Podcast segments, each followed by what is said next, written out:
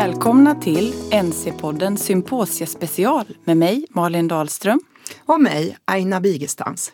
Ja, i det här numret av NC-podden kommer vi att prata om symposiet, den stora lärarkonferensen som NC arrangerar 11 till 12 oktober i år här på Stockholms universitet. Och så kommer vi också att prata om att Nationellt centrum för svenska som andraspråk faktiskt fyller 20 år i år.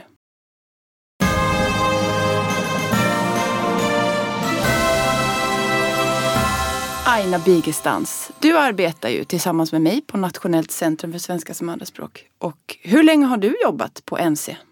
Jag började här 2005. Man brukar räkna att det startade 1 oktober 1998, alltså att det fick sin fasta form då. Och då var det fem medarbetare som började. Okej, och hur många är det nu som arbetar Nu är vi 19, så att vi har ju vuxit under de här åren. Hur var det då, 1998? I början så var det väldigt mycket centrerat kring skolämnet svenska som andraspråk. För det sjösattes ju 1995 med Lgr 94. Just det. Och då var det ju så nytt med svenska som andraspråk att det hade blivit ett ämne parallellt med alla andra ämnen och hade en egen kursplan. Mm. Och då var ganska mycket kring verksamheten eh, orienterat mot att implementera det här ämnet mm. och också att ha kompetensutveckling kring hur man jobbar inom ämnet svenska som andraspråk. Det har ju gått 20 år och det har ju ganska stora problem fortfarande mm. i den bemärkelsen att det är få behöriga lärare jämfört med i andra ämnen. Mm. Så Nationellt centrum för svenska som andraspråk har ju som uppdrag eh, att vara en länk mellan forskning och praktik. Och vad betyder det då? Jo, det betyder ju att dels så kan man alltid kontakta oss om man är svarlärare eller man är syvare eller man är lärare i något annat ämne eller man är skolledare eller eller man arbetar inom skolväsendet i någon kapacitet för att ställa en fråga eller bolla någonting eller få tips och råd om hur man ska eh, gå vidare i någonting som, något dilemma man har. Sen har vi också en rad Facebookgrupper där man kan få kontakt med lärare från hela landet. Eh, vi har ju en, en väldigt stor Facebookgrupp, Svenska som andraspråk. Jag vet inte hur många medlemmar det är där nu. Ja, mer än 10 000 ja. i alla fall.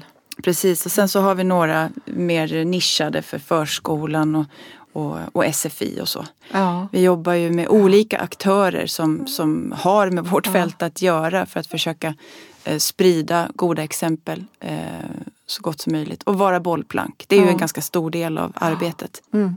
Vi har ju ett annat uppdrag tycker jag i det här med att vara länk mellan forskning och praktik. Det är också att kommunicera med myndigheter. Att vi tänker oss att ju mer vi vet hur det är så att säga ute i landet, ute i verksamheter på olika håll, desto mer kan vi också kommunicera till beslutsfattare, till politiker om vad som behövs. Och det ser ju vi som jätteviktigt det här med omvärldsbevakning, inte bara för vår egen del utan också för utredare, för politiker. Så att man lägger rätt resurser på rätt ställen.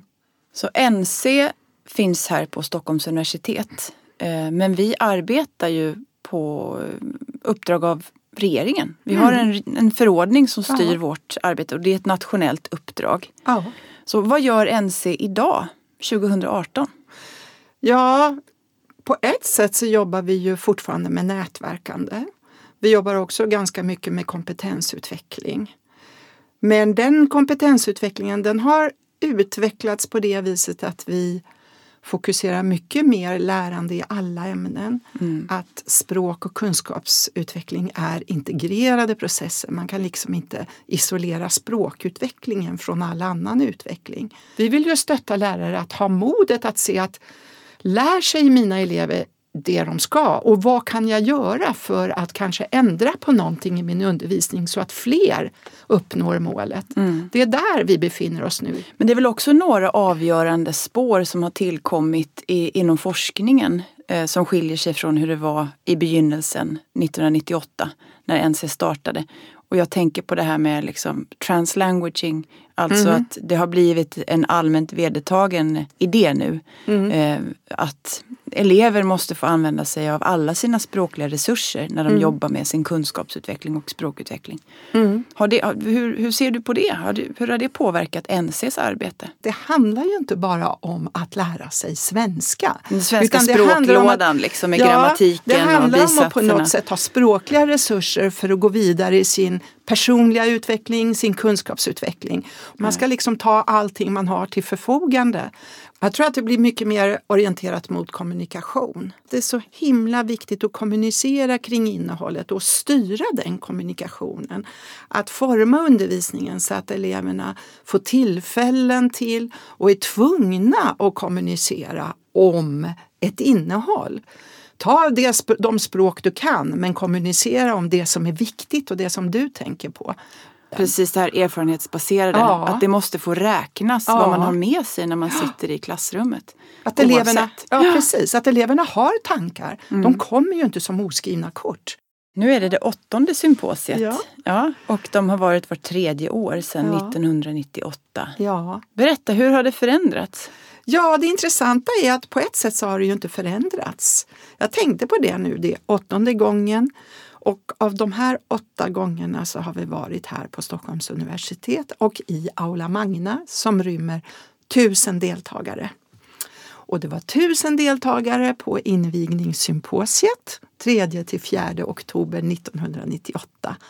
Och det är tusen deltagare nu på symposiet 11 och 12 oktober. Nu blir jag jättenyfiken. Ja. Vad var temat för det första symposiet? Verklighet och visioner. SVA-ämnet var nybildat. Var befinner sig frågorna? Och då samlades forskare och praktiker. Och man hade delat upp det såg jag när jag tittade på programmen. Att först var det forskare och sen var det praktiker. Mm. Idag försöker vi ju så att säga blanda och vi skriver till de som är så att säga enbart forskare. Tänk på att deltagarna vill veta på vilket sätt din forskning är relevant. Nu ska vi bege oss bort till Aula Magna för att ta del av olika röster ifrån konferensen. Och vi börjar med att prata med Karin Franker som var inledningstalare för jubileumssymposium 2018. Karin Frankers föreläsning handlar om litteracitet som gränsöverskridande praktik. Och hon visade det väldigt tydligt genom att bjuda upp teatertruppen Verket på scenen. Så de eh, spelade upp en del av en pjäs som heter Mardrömmar under hennes föreläsning. Och teatertruppen Verket består av ungdomar från olika skolor i Stockholm. Och flera av ungdomarna är själva nyanlända.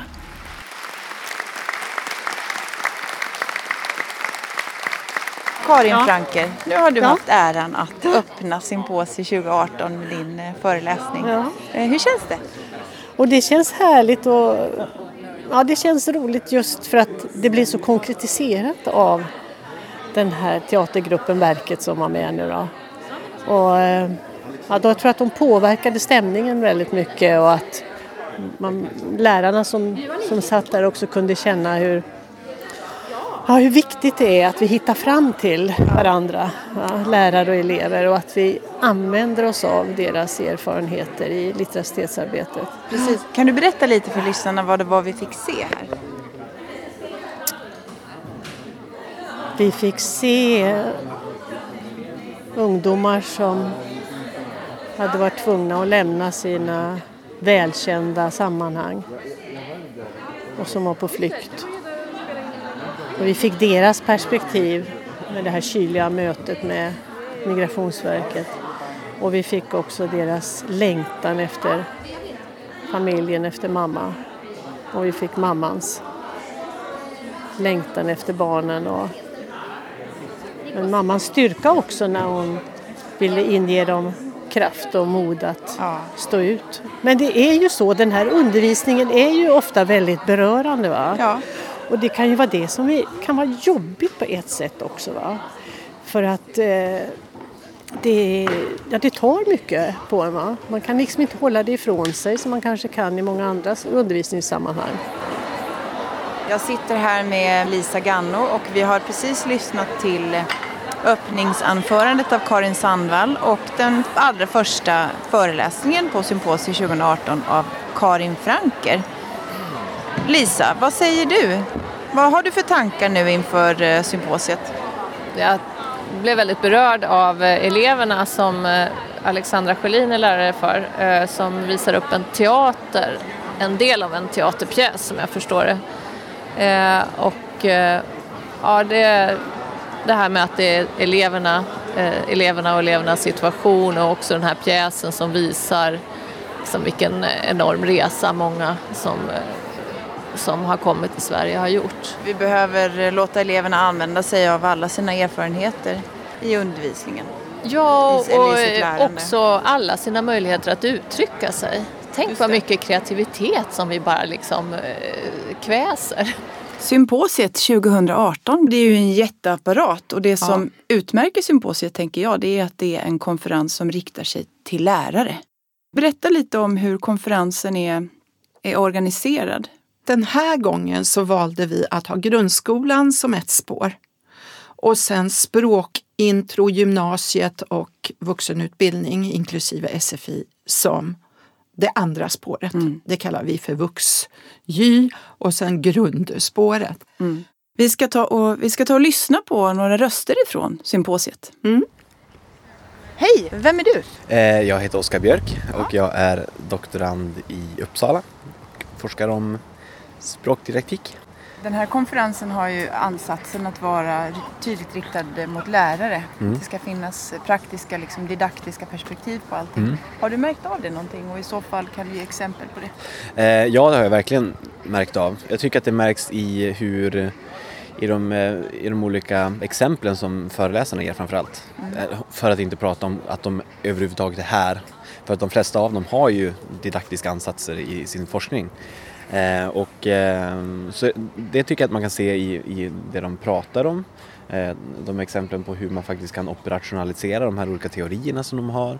Mm. Ehm, de jobbar väldigt ofta med exempel tagen från undervisningssituationer så jag tycker att det märks väldigt väl. Förvånansvärt inkluderande av flera olika typer av akademiska intressen tror jag. Mm. Mm. Det, ofta brukar det kunna vara så att om man går till en, en skrivforskningskonferens så är det så är det fokus på väldigt små detaljer i vad, vad skrivande är för någonting. Men det här tycker jag liksom hela tiden tvingar in forskningen i någon sorts operationaliseringsperspektiv. Liksom. Vad gör vi då av det här? Liksom? Nu står jag här med Linda Bradley från Göteborgs universitet. Berätta, du kommer ju att ha en workshop här imorgon. Vad kommer du att berätta om? Ja, hej! Eh, jag är jätteglad att jag har kommit hit. Eh, det är väldigt trevligt att bli inbjuden och prata om eh, mitt projekt. Det handlar om Mobile Learning, mobilt lärande. Och eh, vi har jobbat under tre år ungefär med att eh, beforska området Mobile Learning och utvecklat en app också. Så att jag kommer att prata imorgon om det här med appar, eh, om det finns någon perfekt app för språklärande eller ej. Ja. Och svaret är ju att det är ju egentligen anpassat väldigt mycket till vilket sammanhang man pratar om. Så att det är svårt att säga att något skulle vara perfekt utan det beror sig på ändamålet. Och jag kommer att eh, prata imorgon och visa lite olika exempel från analyser vi har gjort utav befintliga appar och med eh, våran målgrupp som är arabisktalande nyanlända personer i Sverige. Vad tror du att lärarna behöver hjälp med nu? Jag tror att många lärare funderar på om det de har duger till exempel. Om det är, det, om det är intressant. Och många kör ju med verktyg, olika digitala som de har haft eh, ett tag och eh, kanske vill ha lite förnyat material och vad kan det då vara? Då funderar man nog mycket på vad användarna, det vill säga eleverna då, SFI-elever skulle gilla ja. och vad man skulle uppskatta och vad man behöver. Och eh, idag har vi också hört då att man får tänka mycket på individanpassning till vad behöver de enskilda behoven till exempel. Men går det då att få ett sätt att koordinera det så att det inte bara gäller en viss individ utan att många kan ha samma sorts behov. Och hur kan man då tillgodose det? Precis, och det handlar om att lärarna måste få bearbeta det här med de digitala, den digitala tekniken utifrån didaktiska perspektiv. Alltså ja. hur kan det här gynna elevernas lärande? Just precis. Och det är ju också så, det kommer jag prata om imorgon med, att eh, det är ju en del eh, appar som har övrigt att önska Ja. som finns ute på marknaden och den här, eh, eller inte marknaden, alltså de är ju gratis men Ja. vem gör den bedömningen Ja. av kvalitet till exempel? Det är ju någonting som SFI-lärarna har en, en uppgift att kunna bedöma. För att eh, jag har mött till exempel SFI-elever som använde ett program som hade väldigt konstigt uttal. Ja. Och då frågade de mig, det här ordet, jag har inte hört det här innan. Nej, det har du inte för att det finns inte. Utan det är då Ja, något precis. som i den här appen, då, där är ju till Så det exempel behövs en lärarna kvalitetsgranskning? Ja, liksom. och, det, och i och med att vem som helst kan ladda upp en app och skapa en app Ja. så vet man ju inte heller riktigt vad som finns. Det är ju det som är tjusningen med eh, nätet också. Ja. Och idag är det ju ganska lätt att ladda ner appar och man kan testa själv och, och sådär. Så att jag tycker det känns lite inspirerande också samtidigt. Ja. Tack så mycket Linda Bradley. Jag står här med Helena von Malorti. Du är lärare och du har precis mottagit priset till Karin Rosanders minne. Vad tänker du om det? Ja, jag känner mig väldigt hedrad och eh, jätteglad för det här priset. Och, eh, det har varit fantastiskt att få vara med i den här eh, resan med att jobba med svenska som andraspråk. Och, eh, jag är så tacksam för att de har uppmärksammat det jag har gjort. För det du har att- gjort är att du arbetar väldigt mycket med elevernas estetiska uttryck från dag ett. Precis. Ja. Och jobbar mycket med eh, det digitala och, och filmer i Just det. undervisningen. Och plocka fram liksom alla olika arbetssätt kan man säga. Mm. Och att eh, eleverna också får liksom, driva sin egen process. Mm. Och att man, eh, ja, de får bli nyfikna på det de ska göra och sen liksom undersöka. Ja. Och det är ju fantastiskt att se vad mycket egentligen de har med sig som eh, man kan arbeta med och att det bidrar till undervisningen. Och att det liksom stärker deras eh, tro på sig själva och eh, intresse och motivation. Karin Sandvall, föreståndare för Nationellt centrum för svenska som andraspråk. Nu är första dagen av symposium 2018 nästan till ända. Jag är nyfiken på vad har du sett och hört och eh, blivit medveten om idag eh, utifrån vad lärare tänker på och funderar kring? Ja, det första som, som slår mig som svar på din fråga det är att så väldigt många eh, säger att det är fantastiskt att få vara här tillsammans med så många kollegor. Att det känns som en samling, en kraftsamling, eh, den här stora idébanken, de resurserna som så ty- blir så tydliga när vi kommer samman, vi som jobbar med nyanlända och flerspråkiga elever. Mm. Har du, vad har du sett för presentationer idag som var särskilt intressanta? Jag eh, var med och lyssnade på Karin Franker som eh, berättade om eh, olika former av litteracitet eh, för kortutbildade och hur viktigt det är att vi verkligen försöker ta reda på vilka litteraciteter som eleverna använder sig av både utanför skolan men också inne i skolan. Så att vi kan bygga vidare på det och skapa en undervisning som är relevant för eleverna eh, men som också möjliggör att de kanske kan bli mera aktiva i skolan och i samhället. Både med, med hjälp av sitt muntliga och skriftliga språk men kanske också kunna använda alla andra resurser och verktyg som vi använder idag för att kommunicera. Det är det som utmärker det som vi försöker att den här konferensen ska handla om. Alla olika litteraciteter som behövs i vårt samhälle idag. Mm. Har du fått några kloka idéer på eh, nya eh, insatser eller utvecklingsprojekt som NC skulle kunna ägna sig åt i framtiden? Eh, Jag tror att när vi sätter oss ner och funderar kommer vi att kunna forma ganska många projekt utifrån de här dagarna. Mm, Det är ganska mycket intryck nu det är som surrar väldigt omkring. mycket intryck, det snurrar runt i mitt huvud. Men jag tänkte på en sak som var lite spännande idag när jag lyssnade på Christine Pinsent Johnson. Hon visade ganska tydligt att, eh, att för många elever och jag tror också för lärare så är litteracitet det man gör i skolan och det är läsning och det är skrivning och det känns tryggt och det känns rätt som Ja. skola. Eh, men sen när man gör saker, man bakar något, man reparerar något så upplever varken lärare eller elever att det är literacy, att man utvecklar sina litteraciteter. Utan då bakar man ett bröd eller man reparerar cykeln. Eh, och det som Kristin Pinsent Johnson eh, satte fingret på idag det var att, att baka ett bröd involverar väldigt många olika typer av literacy-praktiker. Just det, ingredienser. Ingredienserna, eh, läsa receptet, eh, hantera ugnen med grader, eh, arbeta tillsammans med någon. Mått och vikt. mått och vikt Ja. och massa olika saker. Men det tänker vi inte på som ett lärotillfälle Nej. eller som att vi använder alla våra resurser och kapaciteter. Mm.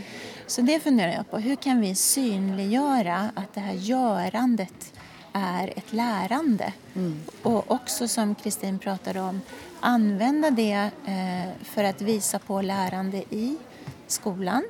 Kunna sätta betyg och bedöma kanske. Men även att det vi gör i skolan blir ett verktyg för eleven att utveckla och expandera eh, sin eh, situation utanför skolan. Det tyckte jag var spännande och det skulle jag vilja prata vidare med dig om Malin. Ja, då gör vi det. Då gör vi det. Symposiet 2018 har tema litteraciteter och flerspråkighet.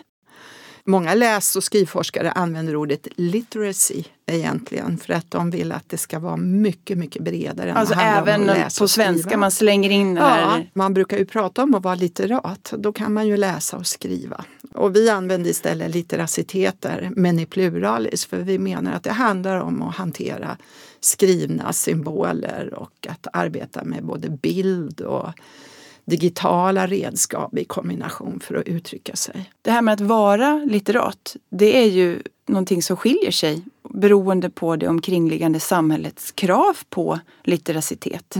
Så att jag tror många av våra, eftersom att jag arbetar med vuxenutbildning, många vuxna som kommer till Sverige anser sig själva vara litterata till viss del eftersom att den läs och skrivförmågan som de har från ursprungslandet, den fungerade där. Eh, Men när man kommer till Sverige då är det liksom så skyhöga krav. Precis. Det är väl också någonting som har skett i forskningen senaste, eh, alltså de 20 åren som ENSA har varit verksamma.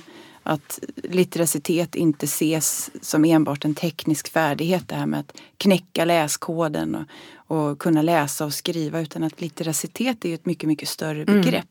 Man kan ju säga att eh, inte bara att alla lärare är språklärare i sina ämnen, utan alla lärare är ju i någon mening litteracitetsarbetare.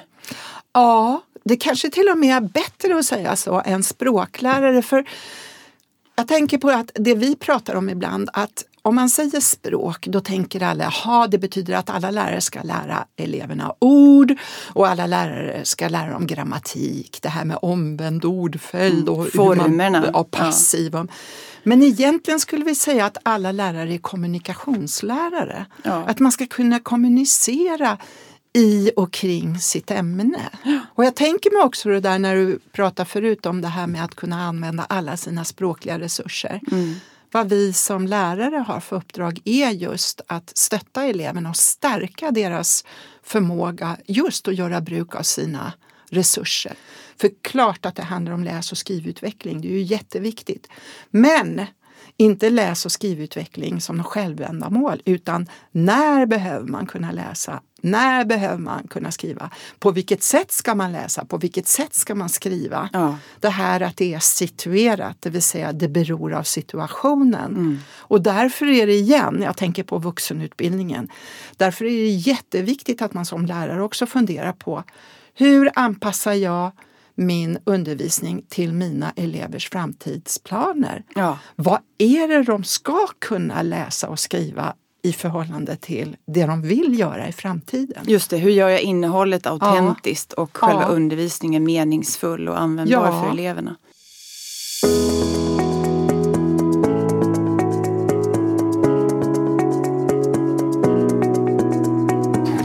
Anders Frick, du är rektor på eh, vuxenutbildningen Komvux i Norrköping. Ja, det stämmer. Ja.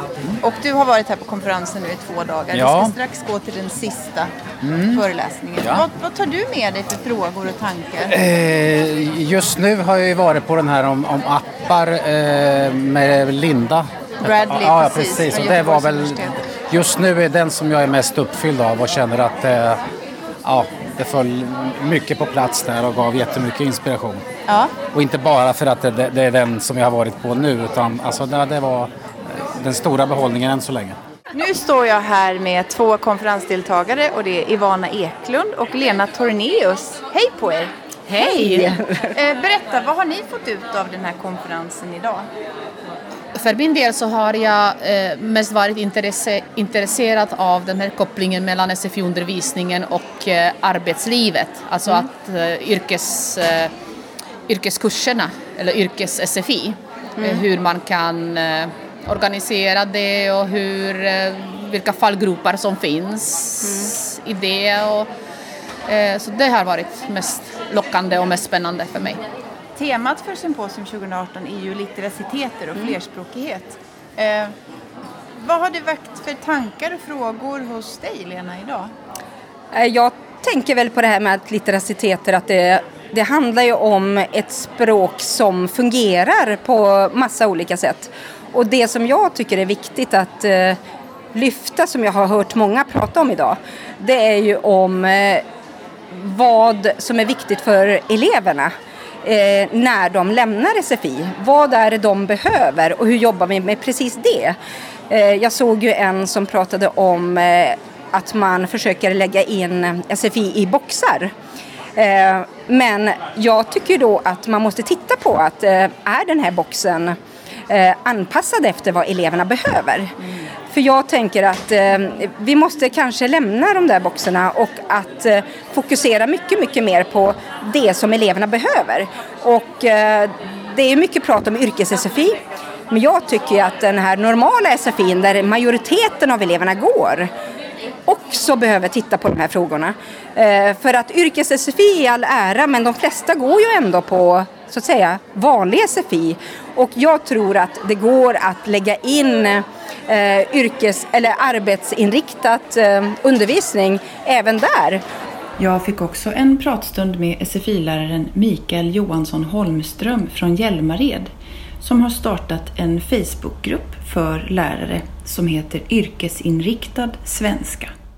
Ja, det, jag kommer hit med en del frågor och ett, liksom ett, ett intresseområde. Jag jobbar ju mycket med kopplingen mellan eh, svensk språkinlärning och arbetsplats Ja. eh, för vuxna eh, på SFI bland annat. Då. Så då tittade du på Mikael Svensson Pedersen här? Med stort intresse. Ja. Jag blev väldigt glad av Ja. att lyssna på honom. Ja. Han, eh, jag blev särskilt glad att han lyfte den biografiska eh, approachen som han kallar det. Att det, är väl, det är väl min... eh, Det, det liknar mycket hur jag tänker på det också. Ja. Att det är väldigt viktigt för att alltså, skapa förutsättningar för att det ska bli ett, en, eh, en lust att lära sig någonting överhuvudtaget. I vilket sammanhang ska man lära sig språket? För ofta så tittar vi kanske när vi pratar om andra språks forskning och sådär så tittar vi ganska snävt på språkutvecklingen. Vi vill ju försöka vidga det på olika sätt men, men eh, att just vidga det till individens liv så det, det är väldigt givande. Det, det är det vi jobbar med. Jenny Håstetter, du arbetar med eh, kompetensutveckling av SFI-lärare och rektorer i Göteborgsregionen. Eh, Projekt som heter Invest. Det stämmer bra det. Stämmer bra det. Och du har Ja. precis varit på Deborah Myhills föreläsning här i Aula Magna. Vad, Ja. vad tänker du? Om creative eh, grammar. Ehm, ja, alltså jag har varit runt även i fler sammanhang som läromedelsförfattare och så. Och mött ganska mycket SFI-verksamhet runt om i landet. Och eh, ja, det jag tänker är att jag menar inte att låta oförskämd, det kanske jag är, men eh, min erfarenhet är i alla fall att, att eh, undervisningen i svenska som andraspråk, både inom gymnasieskolan och det jag mest är på SFI, eh, inte är helt mogen. Alltså vi ingår inte riktigt i den debatten som hon, Eh, som, som hennes eh, forskningsgren liksom eh, är ett svar på, eller hur man ska uttrycka det. Eh, det jag tänker är att det finns, jag möter fortfarande ganska många lärare som inte har uppfattat riktigt den här synen på eh, språk som kommunikation, det här med autentisk text, att använda sig av ja, helt enkelt autentiska situationer i undervisningen. Det är fortfarande nytt för många lärare att tänka så. Och då, då tänker jag att eh, oavsett vad Deborah säger eh, så kommer den här presentationen kanske att användas som ett argument till att eh, fortsätta med en slags schematikundervisning. Eh, fyll i, ja, precis, alltså fyll i eh, rätt verbform eh, i, på den här stencilen. Undervisning, eh, jag menar inte att det är jättevanligt men det förekommer fortfarande. Jag tror inte att det går att hoppa över det här eh, steget som också våra SFI-kursplanen är väldigt inriktad på, alltså kommunikativ undervisning. Så, så eh, jag tror att det här eh, kan ge upphov till jättemycket fina idéer och mycket bra undervisning men jag, jag, jag upplever nog att fortfarande behöver många arbetslag eh, mycket mer träning i att eh, koppla till elevernas vardagliga kommunikationsbehov och eh, ja, de, alltså mer C-genrer som eleverna eh, finns i och behöver i sitt dagliga liv, i sitt yrkesliv och så vidare. Mm. Tack så jättemycket. Nu står jag här med en SFI-lärare från Helsingborg. Hej, vad heter du? Jag heter Nina Paulsson.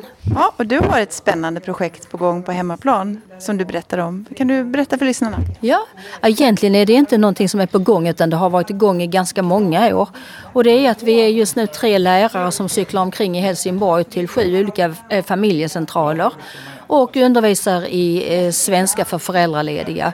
Och då kommer föräldrar, män och kvinnor, inte så många män, eh, och de kan ta med sig ett barn under två år, ofta en liten bebis och då har vi en barnskötare som är med och hjälper till vid undervisningstillfället.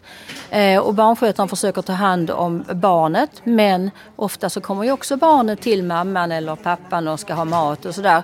Så att man får liksom anpassa det också till eh, barnet. Men eh, vi ser ju till att man upprätthåller den svensk nivå man har och bygger vidare på den.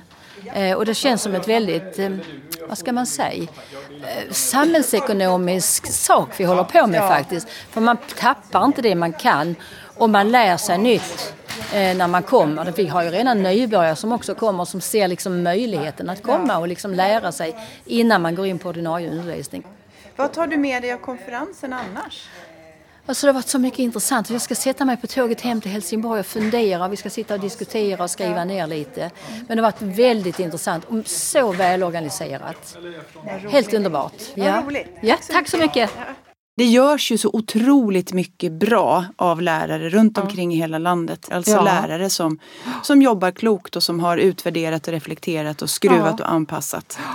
Och lyckligtvis så kommer vi att kunna få ta del av det under symposiet. För ja. vi har ju bjudit in en massa praktiker. Och flera av de här presentationerna kommer ju att filmas och finnas tillgängliga på vår webb i efterhand. Och även åhörarkopior kommer att ligga tillgängliga. Så att gå in på www.andrasprak.su.se och så klicka dig fram till det som du tycker verkar intressant. Mm. Och sen kommer ju också en bok som det alltid gör, en antologi och det har det gjort sedan tidernas begynnelse. Mm. Så åtta symposier och åtta antologier. Och visst skickas den ut till alla deltagare? Alla deltagare. Men den kommer ju att distribueras. Det är Liber förlag som ger ut den så att den går ju att köpa mm. sen efteråt. Och där kommer det att finnas mycket av intresse. Mm. Och där vi är jättemåna om verkligen att det får en didaktisk orientering. Det vill säga att det finns hela tiden ett perspektiv på vad kan jag göra eh, av detta i min undervisning i förhållande till arbete med elevers lärande. Mm. Så man kan säga att vi firar NCs 20-årsjubileum genom att fortsätta som vi alltid har gjort. Ja. Väldigt, väldigt många har sagt till mig att det här har varit en generös konferens. Och då menar många utbytet som har varit mellan er deltagare och mellan presentatörer och deltagare. Det har varit folk som kommer upp och eh, åker och hälsar på varandra. Man har bytt kontaktuppgifter, man har frågat, man har diskuterat.